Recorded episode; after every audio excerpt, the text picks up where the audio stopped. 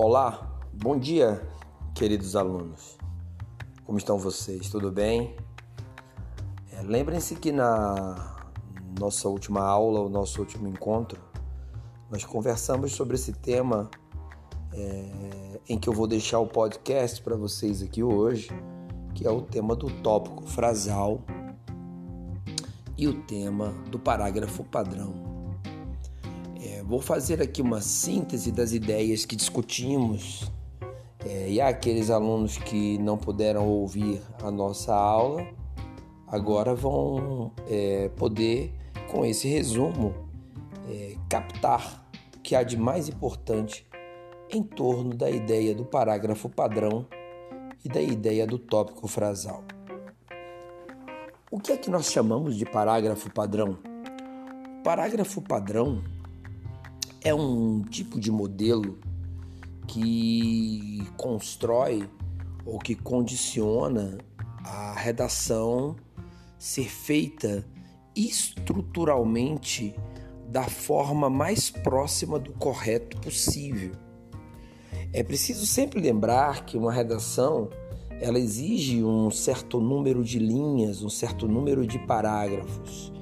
Se nós fizermos um parágrafo grande demais, provavelmente é, nós vamos ter problemas com ideias é, longamente desenvolvidas e se misturando a outras ideias. Se fizermos um parágrafo curto demais, provavelmente teremos ideias interrompidas ou ideias curtas que não foram devidamente completadas.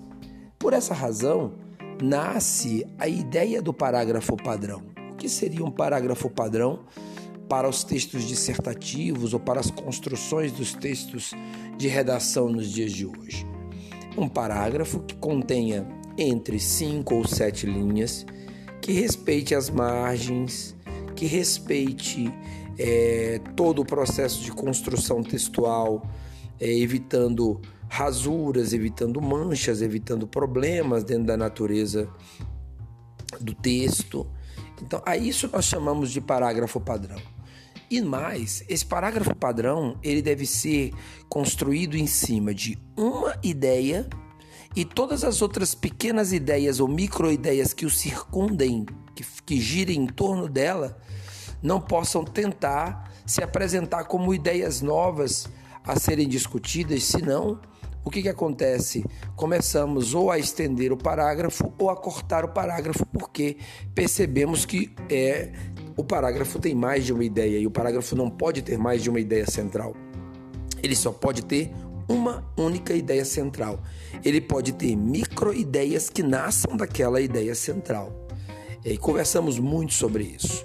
Por isso é muito importante que qualquer tema que você tenha, você possa ter a capacidade de construir um, aquilo que chamamos de tópico frasal. O que, que é o tópico frasal? Você escreve uma grande frase sobre a ideia ou o tema da redação que você tem que realizar antes de iniciar o parágrafo padrão. E, todo, e tudo que você vai dizer gira em torno daquele tópico frasal ou daquela ideia central. Tá certo? Muito bem, não é nada muito difícil a construção do parágrafo padrão e do tópico frasal. Quero que vocês ouçam e possam depois ler o nosso texto que se encontra no NEAD, para que vocês cada vez mais é, tenham claro como vão construir o texto de redação a partir desse momento. Tá certo? Na semana que vem, eu darei continuidade nesse podcast com exemplos de parágrafo padrão e tópico frasal, é, no momento em que fizermos a nossa primeira atividade em torno é, desse tema que é tão importante para se construir uma boa redação. Muito obrigado, queridos alunos, e até o nosso próximo podcast.